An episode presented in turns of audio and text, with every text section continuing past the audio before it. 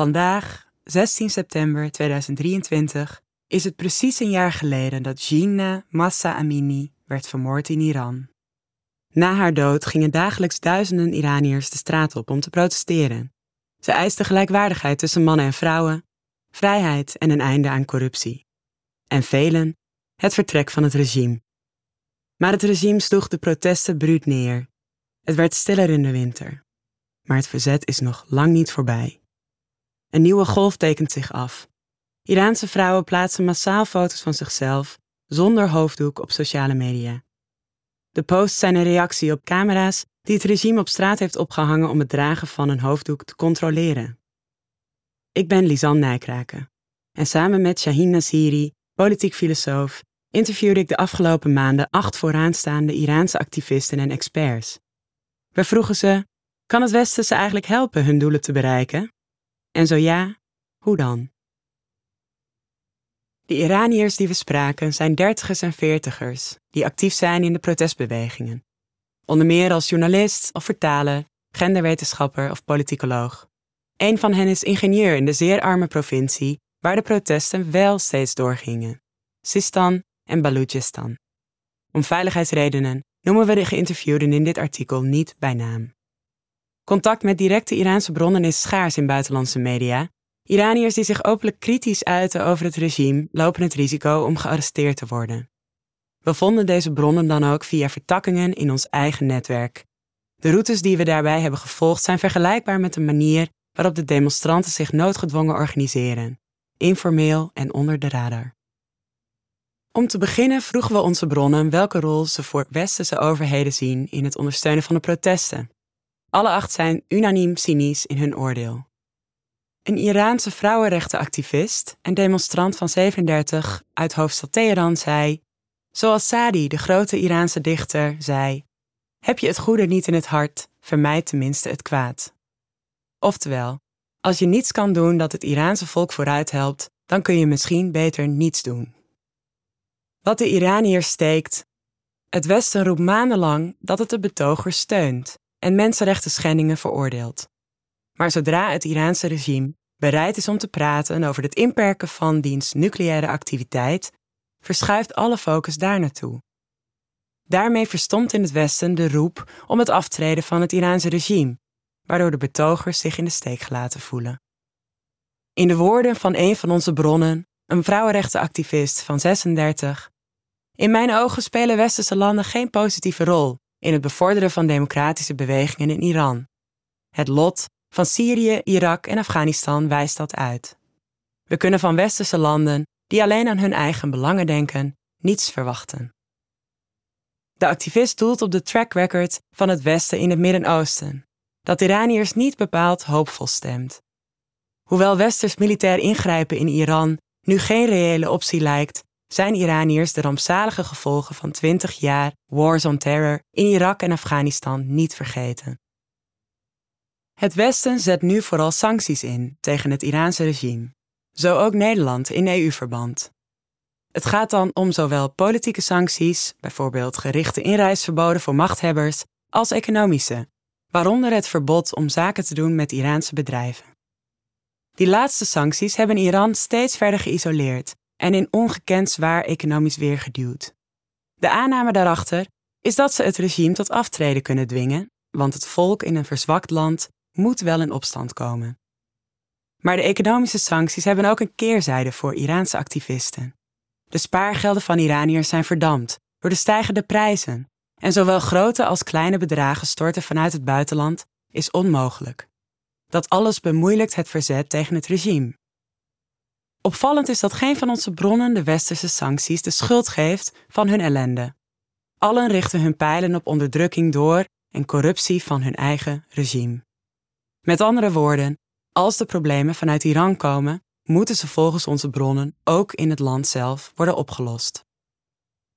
En inderdaad, experts wijzen erop dat de strijd voor een nieuw politiek systeem in Iran een lange adem vergt en alleen van onderop kan plaatsvinden. Er is geen sluiproute naar democratie. Het is een heel moeizame, lange weg via de versterking van binnenlandse krachten, zegt Iran-deskundige Peyman Jafari. De Iraniërs die we interviewden vestigen hun hoop daarom niet op westerse overheden, maar op burgers, media, vakbonden en universiteiten. Zij kunnen op drie belangrijke manieren hulp en steun bieden. 1. Media-aandacht voor de echte motor achter de protesten. De activisten die we spraken vinden dat westerse mediaorganisaties meer en betere podia moeten bieden aan mensen die het hart van de protestbewegingen vormen. Juist hun perspectief raakt nu vaak ondergesneeuwd in onze berichtgeving, stellen ze. Een aantal van hen hekelt de eenzijdige media-aandacht die het Westen besteedt aan de Iraanse oppositiebeweging die terug wil naar een monarchie. Zo krijgen de voormalige kroonprins van Iran, Reza Pahlavi, en de uit Iran gevluchte journalist Masih Alinejad regelmatig een podium. In Nederland staat Alinejad te boek als aardsvijand van het regime en inspirator van de Iraanse demonstranten. Bijvoorbeeld na een artikel in de Volkskrant en haar bezoek aan Mark Rutte. Maar de Iraniërs die we interviewden benadrukken dat Pahlavi en Alinejad een minderheid van de Iraniërs vertegenwoordigen. En dat niet zij, maar Koerdische protestbewegingen de motor achter de protesten zijn, samen met de mensen uit de eerder genoemde provincie Sistan en Balochistan. En, niet te vergeten, al die duizenden mensen verspreid in heel Iran die de hoofddoekplicht dagelijks negeren en op hun werkvloer protesteren. De vrouwenrechtenactivist van 37 benoemt dat onder andere de hardnekkige discriminatie tegen etnische minderheden in Iran vrijwel afwezig is in westerse berichtgeving. Westerse media berichten vooral over de middenklassestrijd tegen de gedwongen hijab. Het verleden wijst uit dat eenzijdige media-aandacht nadelig kan uitpakken voor Iran. Verschillende onderzoekers en experts wijzen op de westerse aandacht die Ayatollah Ruhollah Khomeini kreeg in de jaren voorafgaand aan de 1979-revolutie in Iran. De revolutie die aan de basis staat van het huidige regime. Khomeini bouwde destijds aan zijn leiderschapsrol vanuit Frankrijk en kreeg daarbij een groot podium van westerse media. Dat lijkt hem een flinke duw in de rug te hebben gegeven om de macht te grijpen, in het vacuüm dat na de revolutie ontstond. Onder leiding van Khomeini veranderde Iran in een islamitische republiek en uiteindelijk in een theocratie. 2. Help internetblokkades omzeilen. Een andere manier waarop Nederland de Iraanse activisten kan steunen, is door te helpen om de internetcensuur te omzeilen. Dat stelt bijvoorbeeld een ingenieur van 33 uit de provincie Sistan en Balochistan. Een gebrek aan goede internettoegang is een grote hindernis voor de slagkracht van protestbewegingen. Tijdens massaprotesten kan het Iraanse regime het internet volledig uitschakelen en het demonstranten onmogelijk maken om met elkaar te communiceren en zich effectief te organiseren. Het volledig beperken van internettoegang is altijd tijdelijk, want als het internet niet werkt, komt ook de economie op haar gat te liggen. Hele industrieën, zoals de staalproductie, komen stil te liggen en online verkoop wordt onmogelijk. Iran bouwt daarom al jaren aan een nationaal internetnetwerk naar Chinees model. Dat wil zeggen, vrijwel niet toegankelijk vanuit het buitenland en gecensureerd door de overheid. Maar door technische obstakels komt dat systeem niet van de grond in Iran. In de tussentijd surfen Iraniërs via virtuele privénetwerken, VPN's, vrij en veilig op het internet, ondanks het verbod op sociale media zoals WhatsApp, Facebook en Instagram. Het Iraanse regime heeft vernuftige technieken om nieuwe VPN's op te sporen en te blokkeren. Maar westerse overheden en bedrijven zoals Elon Musk's Starlink zoeken voortdurend naar manieren om de blokkades te omzeilen en VPN's te installeren. 3. Stakersfondsen steunen om het regime te raken. Naast de protesten is ook het aantal stakingen in Iran het afgelopen jaar flink toegenomen. Iraniërs uiten hun onvrede over de overheidsbeslissing om subsidies voor het meest basale voedsel in te trekken en over de hevige inflatie, meer dan 70% in veel provincies. Veruit de meeste stakingen vinden plaats in de olie-, staal- en gasindustrie, waarvan het leeuwendeel in handen is van de staat. Daardoor wordt het regime verzwakt. Maar, zo vertelden veel Iraniërs aan Iran-deskundige Peyman Jafari, die onderzoek deed naar de stakingen, burgers sympathiseren met de stakingen, maar kunnen zich geen dag zonder salaris veroorloven. Een stakersfonds met internationale steun biedt uitkomst. Het betaalt stakers en mensen die ontslagen zijn het geld uit dat ze anders mislopen. De aangewezen clubs om het spekken van stakersfondsen op zich te nemen zijn internationale vakbonden. Zij komen immers op voor werknemers. Ook de grootste Nederlandse vakbond, de FNV, steunt jaarlijks zustervakbonden, bijvoorbeeld in Wit-Rusland, Myanmar en Guatemala. Maar in Iran ligt dat ingewikkeld. Vanwege de sancties die Nederland aan Iran heeft opgelegd, is geld overboeken vrijwel onmogelijk. Daarnaast heeft Iran alleen vakbonden die door de staat worden gecontroleerd en waar de FNV dus niet mee mag en kan samenwerken. Desgevraagd laat FNV weten op de hoogte te zijn van de behoefte aan internationale steun voor Iraanse stakersfondsen, maar geeft aan hier geen uitspraken over te kunnen doen. Gevraagd naar de betrokkenheid van de Nederlandse overheid bij dit soort of andere acties, verwijst het ministerie van Buitenlandse Zaken naar zijn Iran-beleid. Daarin staat niets over stakersfondsen.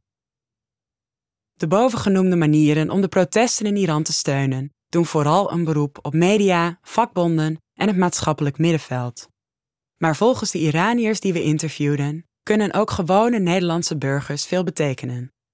Zo noemen zij het ondertekenen van petities en het organiseren van protesten in eigen land een belangrijk drukmiddel.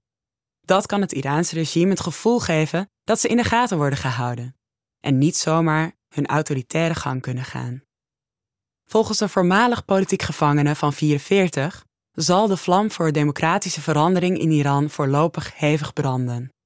Maar dat het lang kan duren voordat vrijheid is beklonken, is helder. Hij benadrukt daarom dat morele steun en solidariteit in wat voor vorm dan ook welkom zijn en blijven. De Iraniërs vestigen hun hoop op ons, Nederlandse burgers en ons progressieve maatschappelijk middenveld. Wij worden als betrouwbare partners gezien, wars van commerciële en geopolitieke belangen. En dat is wat er nu toe doet voor de Iraanse vrijheidsstrijders. Meer directe uitspraken van onze bronnen zijn te lezen in het artikel op de website van de correspondent. Het is de missie van de correspondent om voorbij de waan van de dag te gaan. Onze correspondenten voorzien het nieuws van context en schrijven over de grote thema's van deze tijd. De correspondent geeft me de vrijheid om mijn nieuwsgierigheid te volgen en de tijd om verhalen te schrijven. En zo probeer ik onzichtbare structuren zichtbaar te maken en een andere kijk te bieden op debatten die het nieuws domineren. Dan gaat het minder over het spelletje en veel meer over wat er op het spel staat.